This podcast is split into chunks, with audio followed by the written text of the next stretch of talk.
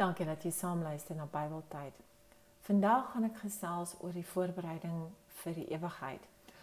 Ek het 'n bietjie 'n Bybelstudie ook ehm um, gedoen saam met 'n um, 'n aanlyn kursus en hier is die volgende uh, stukkie wat ek uit die Bybel gevat het. Daar is daar is redelik baie in die Bybel wat hulle noem oor wederkoms.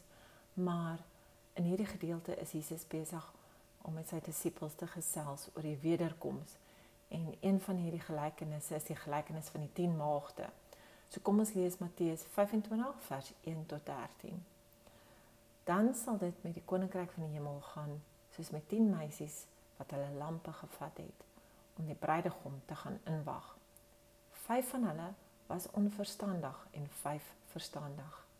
Die onverstandiges het hulle lampe gevat, maar nie ekstra olie met hulle saamgevat nie terwyl die verstandiges saam met hulle lampe ook nog olie in houers gevat het. Toe die bruidegom lank weg bly, het hulle almal valk geword en aan die slaap geraak. In die middel van die nag was daar 'n geroep: "Hier kom die bruidegom. Gaan hom tegemoet." Toe staan al die meisies op en maak hulle lampe reg.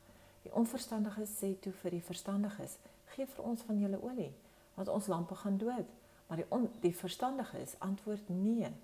Daar is nie genoeg vir ons en vir julle nie. Gaan liewer winkel toe en koop vir julle olie.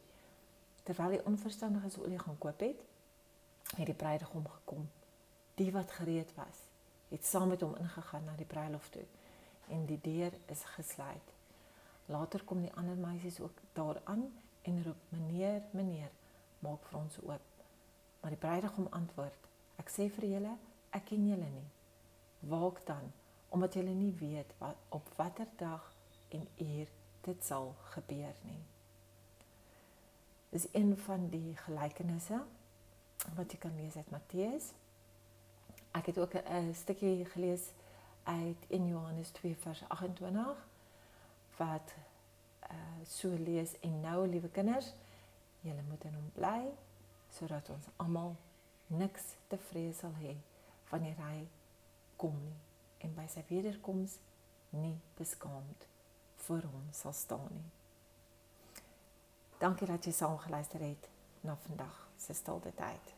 Totsiens.